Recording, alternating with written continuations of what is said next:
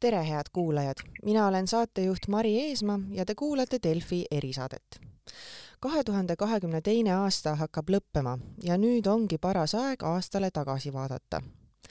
päris kindlasti jääb seda aastat defineerima Venemaa suur sõda Ukraina vastu, kuid sellesse aastasse jääb veel üks pöördeline moment.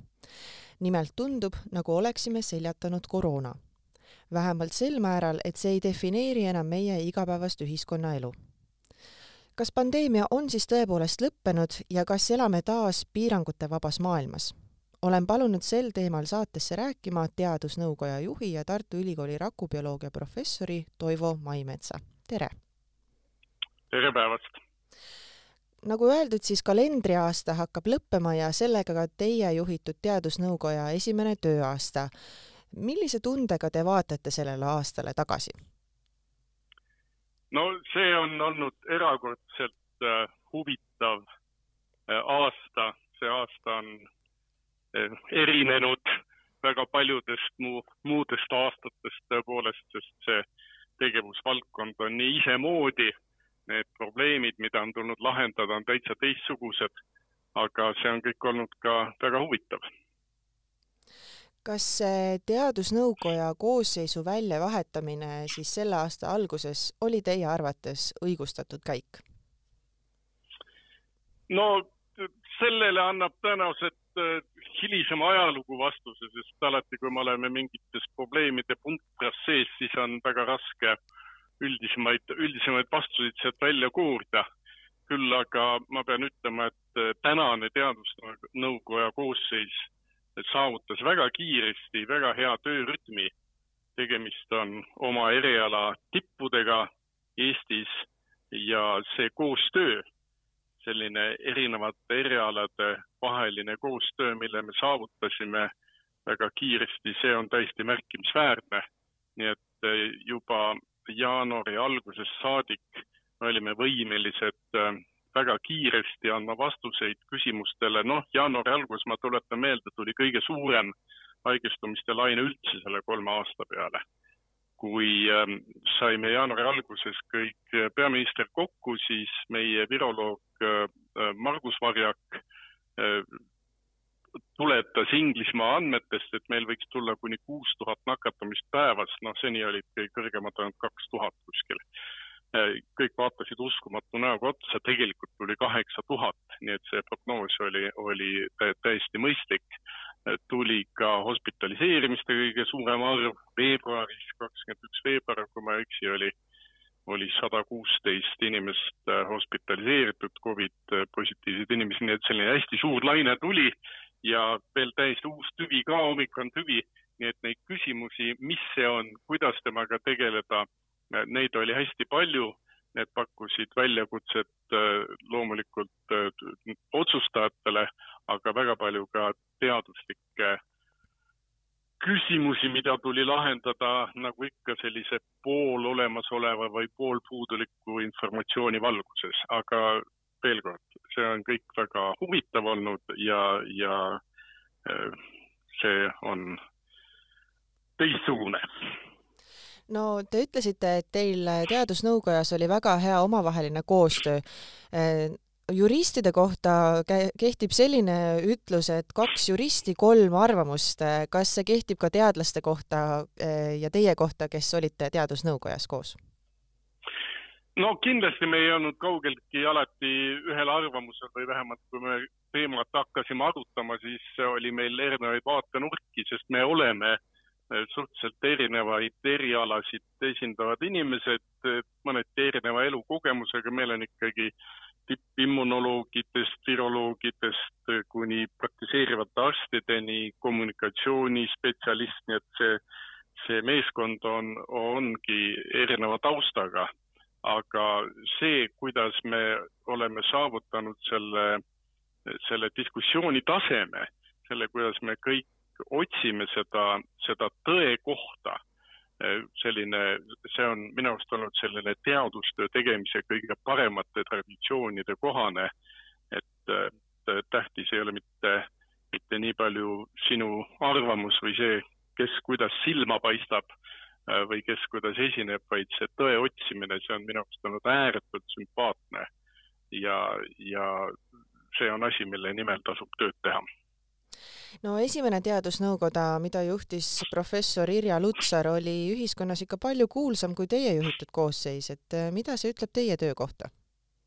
see ütleb minu arust meie töö kohta seda, et äh, nii nagu me seda teha tahtsime, nii on see meil ka õnnestunud. meil ei ole olnud algusest saati tahtmist töötada ajakirjanduses, saada Päevalehe mõjukate edetabelisse või muid selliseid eesmärke, vaid meie eesmärk on olnud teha just nimelt äh, kõige kvaliteetsemaid äh, otsuseid, mis põhinevad olemasolevale kõige paremale teaduslikule informatsioonile ja sellest kõige paremale arusaamisele.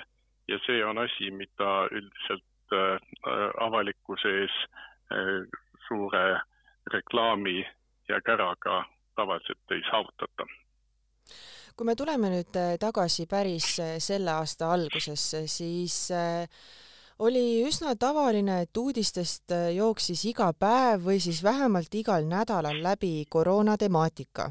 kuid kui veebruaris algas Ukrainas suur sõda, siis koroona oleks justkui ära lõppenud.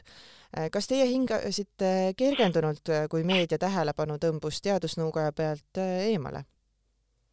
No veebruaris oli meil siiski hommikul kahe laine oli täiesti, täiesti olemas ja, ja no kuskil märtsi lõpuks vajus, vajus ta alla. nii et eks meie tähelepanu oli ikkagi eelkõige seal koroonalaine peal lisaks kõigele sellele õudusele, mis, mis Venemaa sõjaga Ukraina vastu toimus. võib-olla tegi meie elu natuke lihtsamaks see, et mitmed äh, nii-öelda jutumärkides viiruse asjatundjad muutusid sõjanduse asjatundjaks ja seetõttu läks nende tähelepanu teistele lahinguväljadele. Ehm, no selge oli see, et eh, sel hetkel, kui sõda algas, siis tegelikult eh, nakatumisnäidud ja muud eh, siis koroonanäidikud olid päris kõrged. Ehm, aga millal toimus teie arvates päriselt see murdepunkt, mil koroona ei olnud enam tavainimese argipäeva osa, et millal me saime selle nakatumise alla ja kuidas? no nakatumise me saime alla enam-vähem märtsi lõpuks, siis ta käis ja siis ta jäi lainetama niimoodi üles-alla ja, ja eks siin on nüüd kaks poolt, üks asi on tõesti see, mis objektiivselt olemas on tegelikult tänane pilt on ikkagi see, et äh, koroonapositiivseid inimesi on haiglas ligi kolmsada, mis äh, paneb haiglatele ikkagi teatud pinge, teatud lisakoormuse, lisaks äh, arstid nakatuvad. tõsi, päriselt otseselt Covidi tõttu on, on neid haigla, haiglapatsiente umbes kolmandik, aga see ei ole ka kaugeltki mitte väike arv täna me teame, et ühiskonnas on iga seitsmeteistkümnes inimene keskeltläbi on koroonapositiivne, enamik neist on ka nakkavad. et ma olen ikka ütelnud, et kui kinos istute, siis igas eas on üks inimene, kes on koroonapositiivne, nii et ütleme objektiivselt ei ole, ei ole nüüd midagi ideaalset ka eh, olemas. sam-, teise, teiselt poolt on muidugi see, kuidas ühiskond seda tunnetab, kuidas ühiskond seda teadvustab eh, ja võib-olla, võib-olla siin on selgelt näha ka selline ühiskonna väsimus. Eh, Covid ja koroona on juba sellised sõnad, eh, mida, mida keegi enam, keegi enam kuulda ei taha. noh, on ikkagi Eestis terve rida inimesi Terviseametis, Sotsiaalministeeriumis, Teadusnõukojas, kelle asi igapäevaselt on nende nende sõnumitega tegeleda, sest me peame teadma, kus me objektiivselt oleme oma olukorraga. me peame teadma, millised tüved on, kuidas erinevad alamtüved vahetuvad meil. me peame teadma, millised on erinevatest uutest alamtüvedest tulenevad ohud, näiteks võimalike ravi, ravimite efektiivsuse kadumisel, muul asjal ja me oleme tõesti igapäevaselt eh, selle töö sees olnud kogu selle aasta aga kui te võrdlete aasta algust ja praegust aega, siis äh, ilmselgelt äh, ühiskonna suhtumine sellesse haigusesse ja viiruse levikusse on väga-väga erinev. aga kuidas viiruslikult see pilt praegu on, oleme me päriselt ka erinevas kohas ja paremas seisus kui selle aasta alguses?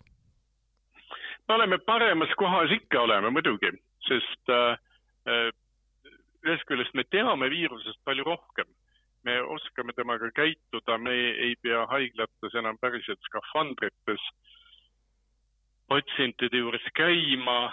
meie vaktsineerimise tase, ehkki siin Euroopa riikide võrdluses midagi, midagi uhkustada ei ole, me oleme seal Euroopa riikide tagaotsas ikkagi ja see on suhteliselt äh, piisav selleks, et me oleme Äh, teatud immuunsuse taseme saavutanud, kui me arvestame jõud inimesed, kas, kes ei ole ka vaktsineeritud, aga on läbi põdenud suurema või väiksema vaevaga, siis tegelikult me teame, et umbes üheksakümne ühel protsendil Eesti inimestest on mingisugused äh, antikehad äh, selle viiruse vastu olemas, nii et see kõik on tegelikult seda pilti leevendanud, see, selle tõttu on ka see, et suhteliselt kõrge viiruse koormuse juures ja nakatumiste koormuse juures ikkagi sellist väga tõsist äh, hospitaliseerimist, ma pean siin just äh, intensiivravis olevate inimeste hulka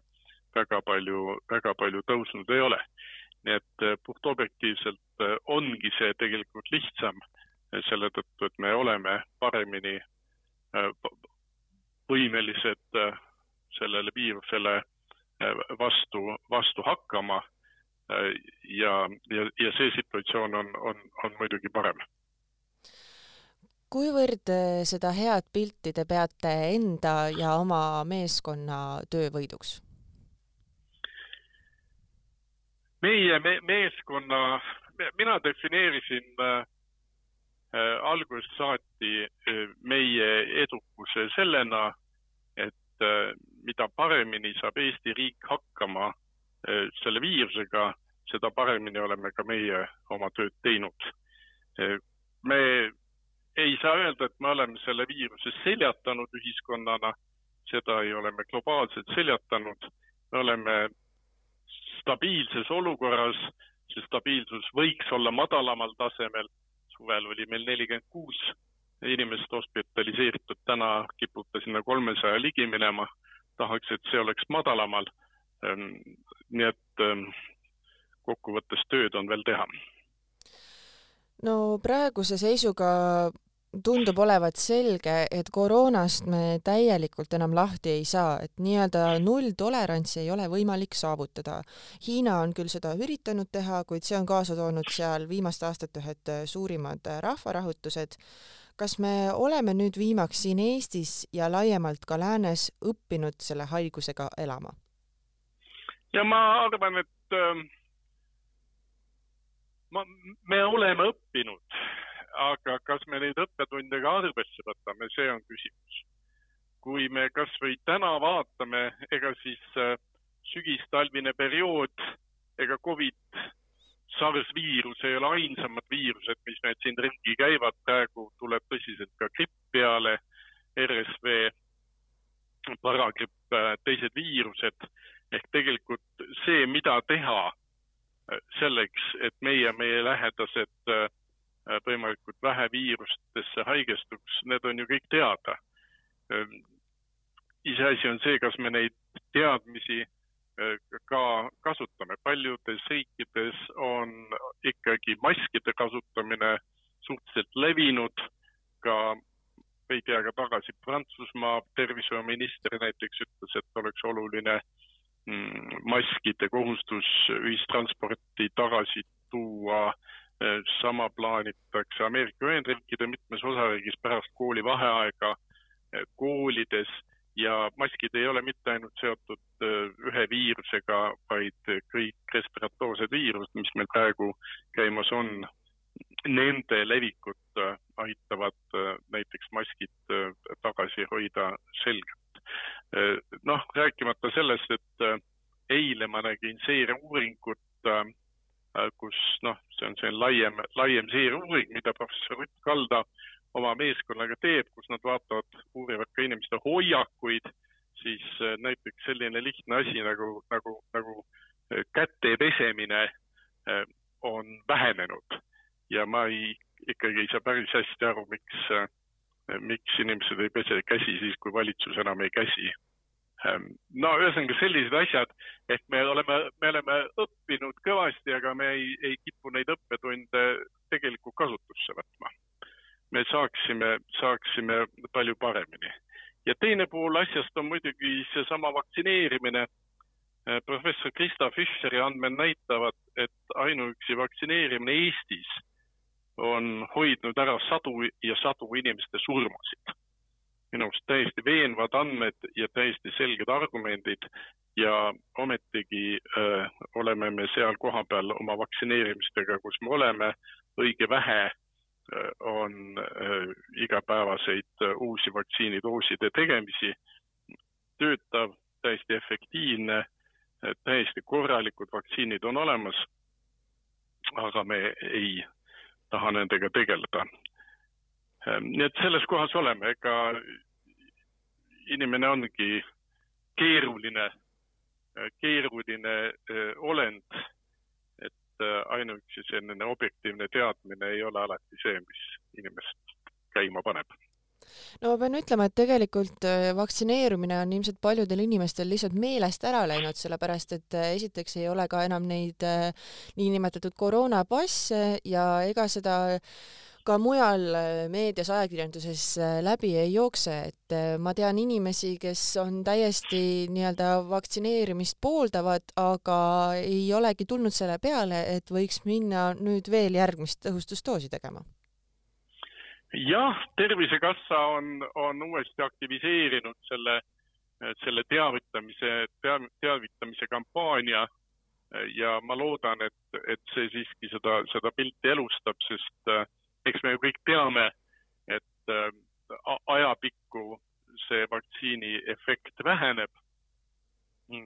ehk äh, teistsõnadega kuskil täna me arvame, et vähemalt vanematel inimestel ikkagi poole aasta tagant tuleks seda immuunkaitset äh, uuendada.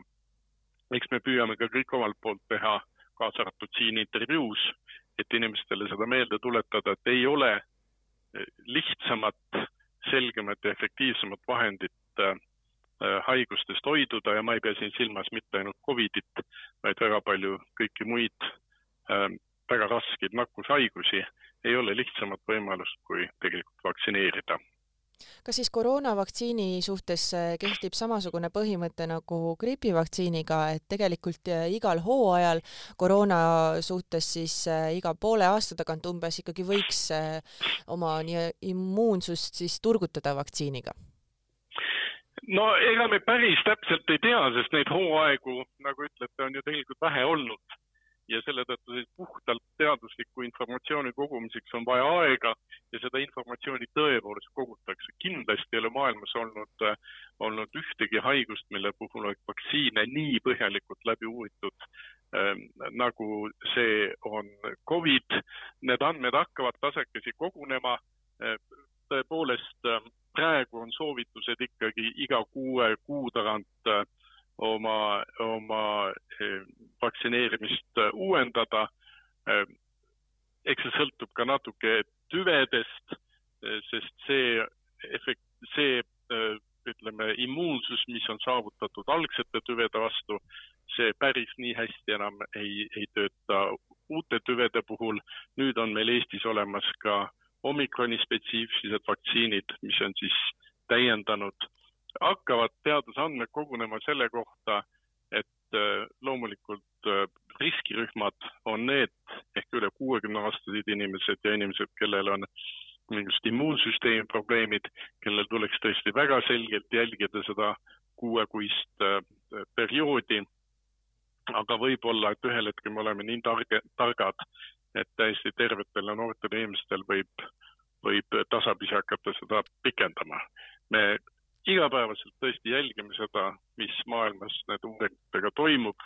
me edastame seda igapäevaselt äh, täna Sotsiaalministeeriumile, me oleme nendega väga heas äh, koostöös olnud aasta aega ja, ja ma loodan, et see ka edaspidi nii läheb tuleme nüüd korraks äh, tagasi päris tänapäeva ja räägime siis praegusest viiruse pildist, et et kui veel veebruaris, siis oli see kõige kõrgem nakatumispäev, siis oli positiivseid teste kaheksa tuhat nelisada kolmkümmend üheksa. nüüd me näeme epiid ülevaatest, et nädala jooksul lisandub umbes kolm tuhat juhtu. kas me võime eeldada, et tegelikult on see arv märksa suurem? no neid, äh, nüüd peab vaatama selle epiidu ülevaates, me oleme tohutult vähendanud äh, PCR testimiste arvu, nagu te teate. samas äh, meil registreeritakse ikkagi ka äh, muudel alustel, näiteks kiirtestide alusel äh, perearstid äh, ikkagi diagnoosivad äh, seda.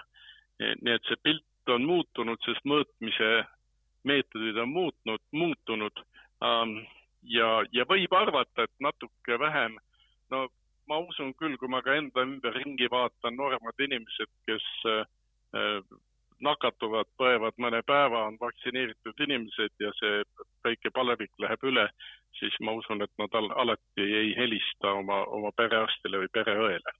et äh, selle statistikale tuleb alati vaadata sellise laiema pilguga otsa tõepoolest no tegelikult äh, sai meile juba üsna mitu lainet tagasi selgeks, et äh, nakatumisarvude põhjal ei olegi tegelikult kõige õigem teha otsuseid, äh, näiteks sulgeda ühiskonda, koole, poode, restorane ja nii edasi, vaid pigem tuleks vaadata haiglaravil olevate patsientide arvu ja ka vanust.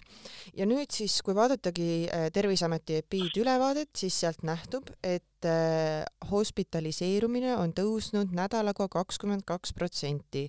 kaheteistkümne kolmanda detsembri seisuga viibib haiglaravil kakssada viiskümmend neli Covid-19 patsienti, neist intensiivravil viis patsienti, juhitaval hingamisel kaks patsienti.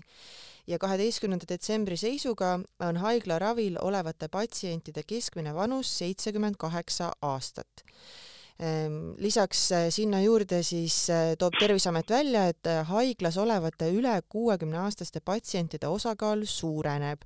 kõigist haiglas olevatest koroonapatsientidest üheksakümmend kolm protsenti on üle kuuekümne aastased ja nii hoiatabki Terviseamet, et arvestades haigestumise suurenemist vanemaealiste hulgas võib oodata järgnevatel nädalatel hospitaliseerumiste kasvu mida me neist arvudest peame järeldama, mida me ühiskonnana peaksime tegema? me peaksime eelkõige kaitsma oma riskirühmi, mida defineeritakse kui üle kuuekümne aasta vanused inimesed, inimesed, kellel on immuunsüsteemi äh, probleemid, kas mingisuguse kaasneva ravi tõttu või, äh, või ka haiguslike nähtude tõttu. see on esimene asi. me peame oma, oma vanaemasid, vanaisasid kaitsma me peame hoolitsema selle eest, et nad oleksid vaktsineeritud. Äh, vaktsineerimata inimesed on põhiliselt need, kes meie haiglaid täidavad äh, täiesti selgelt. Äh, vaktsineerimine aitab kordades hospitaliseerimist vähendada, selles ei ole mingit küsimust. aga ka, kui me lähme jõulude ajal oma vana, vanavanematele külla siis me võiksime ka ise selle peale mõelda, kas me oleme teinud kõik võimalikku, et ära hoida nende nakkuste kandumist, kandumist äh, oma kallitele äh, inimestele. nii et äh, need on need asjad, mida me tegema peame. see, et nooremad inimesed, nooremad inimesed, kui nad nakatuvad, põevad kergemalt, kergemalt, see on täiesti selge. samas ikkagi see ka nooremate inimeste nakatumine, ehkki see ei lõpe hospitaliseerimisega, võtab ära ikkagi terve hulga päevi, töö tegemise võimalust, terve, terve hulga tegemata asju. nii et ega ei soovita ka, ka seal väga, väga haigeks jääda aga kas Teadusnõukoja laual on praegu selline ettepanek eh, valitsusele, et midagi peaks hakkama nüüd ühiskonnaelus taaskord piirama?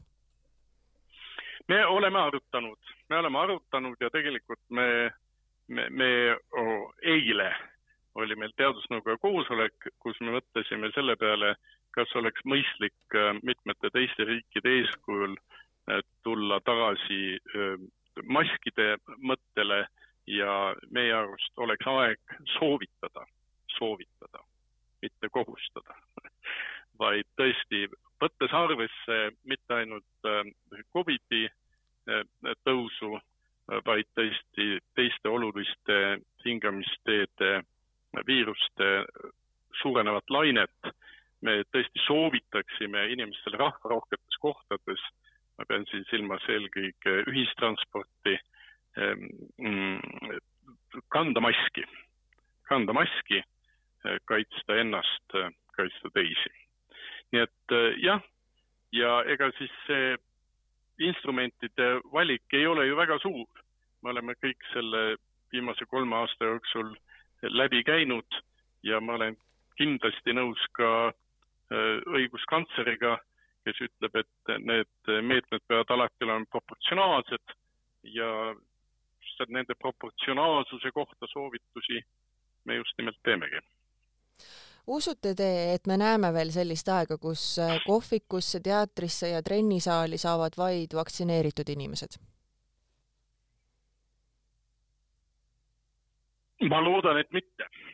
ma loodan, et mitte, aga samas ei ole paljudes riikides ei ole see kuskile kadunud. näiteks äh, mul terve rida kolleege on käinud erinevates riikides, äh, erinevates riikides konverentsidel kus äh, maale sisenemiseks ei ole Covidi tõendit vaja, aga selleks, et sa konverentsisaali saaksid teiste inimestega, sadade ja tuhandete inimestega koos äh, teadusprobleeme arutama ja mõtteid vahetama, selleks äh, palutakse näidata tõend ette. et rahvusvahelises mõttes ei ole see kuskile kadunud. Aga millal me üldse saame rääkida siis pandeemia lõpust? no pandeemia sõna on selline, mida defineeritakse erinevat moodi. on sellised laiad definitsioonid ja spetsiifilised definitsioonid. praegu on ta juriidilises mõttes on ta Maailma Terviseorganisatsiooni poolt välja kuulutatud ja Maailma Terviseorganisatsioon ka pandeemia situatsiooni maailmas lõpetab ühel päeval ilmselgelt, kui ta leiab, et selleks on, on piisavad, piisavalt Äh, tingimused täidetud, äh, praegu siis järelikult ei ole. on teil aimu, millal see võiks juhtuda?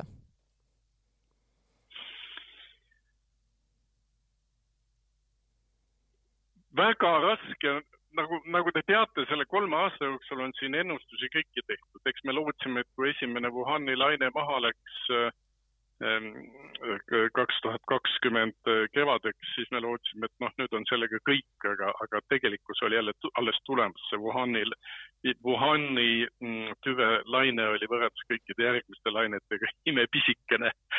Nii et äh, siin on väga raske mingisuguseid ennustusi teha ja võib-olla ennustuste peale ei tasukski äh, väga palju oma energiat kulutada, aga kindlasti tasub situatsiooni jälgimisele kulutada.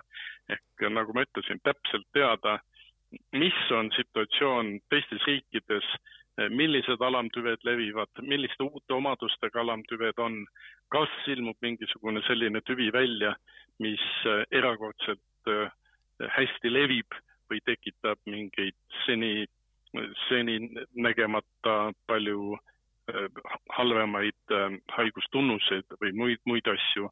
Äh, ja, ja see on see töö, mida me teeme. nagu ikka, mm, loodame parimat, aga, aga selle, aga selle nimel tuleb töötada. ja lõpetuseks ma küsiksin teie käest, et milline on teie arvates Teadusnõukoja roll nüüd edaspidi?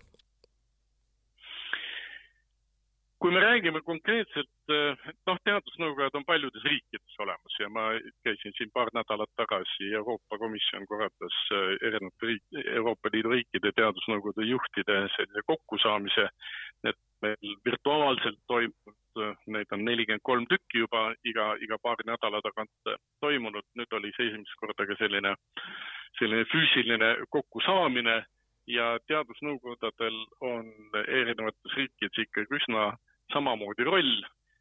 meie äh, asi on äh, omada sellist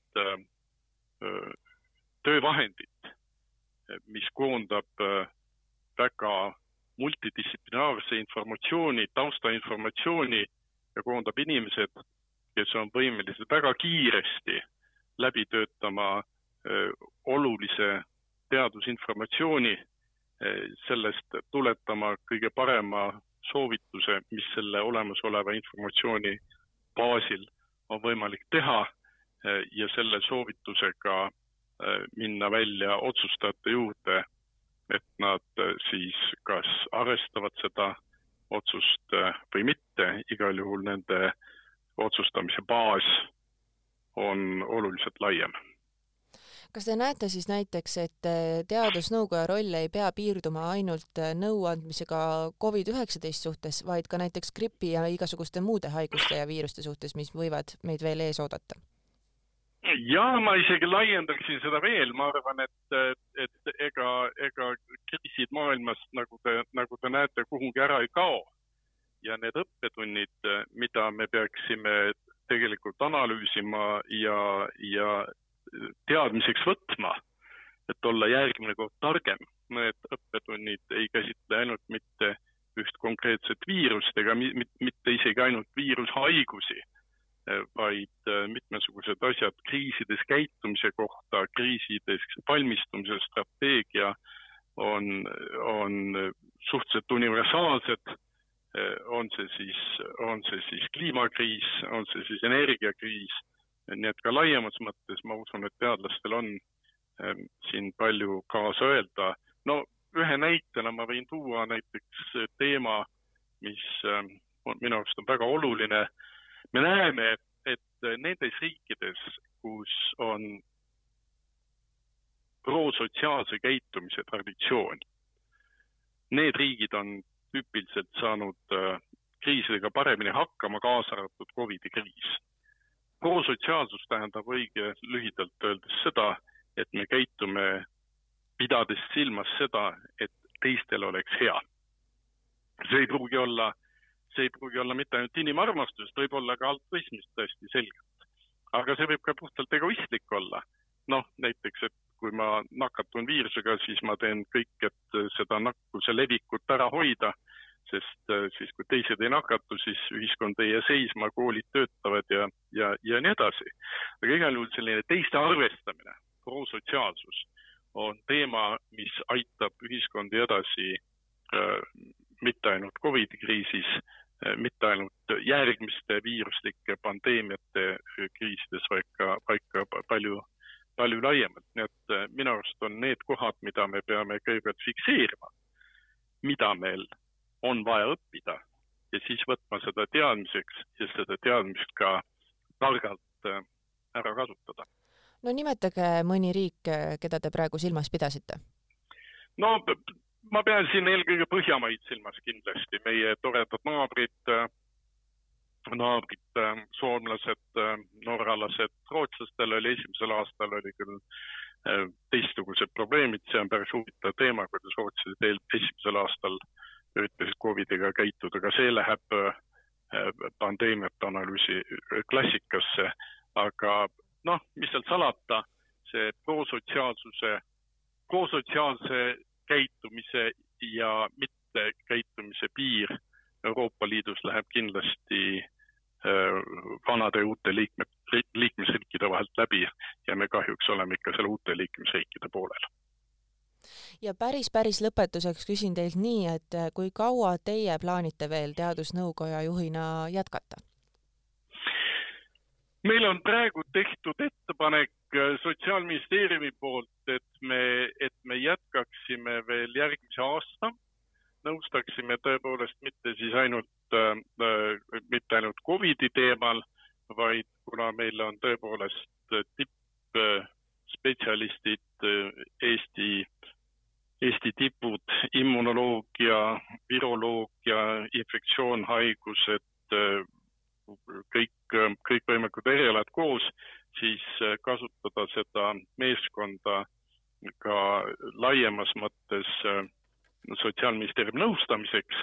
Ja nagu ma alustasin, kuna minu arust me oleme niivõrd hea koostöö saavutanud, sellise meeskonna vaimu ja tõepoolest see on ka teaduslikus mõttes selline nauditav, sest eks igal teadlasel ole ka alati olemas väike soov midagi konkreetset oma, oma rahvale raskes situatsioonis kasu tuua. Vahetult, siis, siis me oleme, oleme kõik selle mõtte võtnud, et vähemalt aasta me jätkame selge pilt, soovime siis teile jõudu selles töös, aitäh teile, Teadusnõukoja juht Toivo Maimets selle intervjuu eest! aitäh ja ilusat aasta lõppu! head kuulajad, selline sai tänane Delfi erisaade, aitäh, et kuulasite ja kuulmiseni!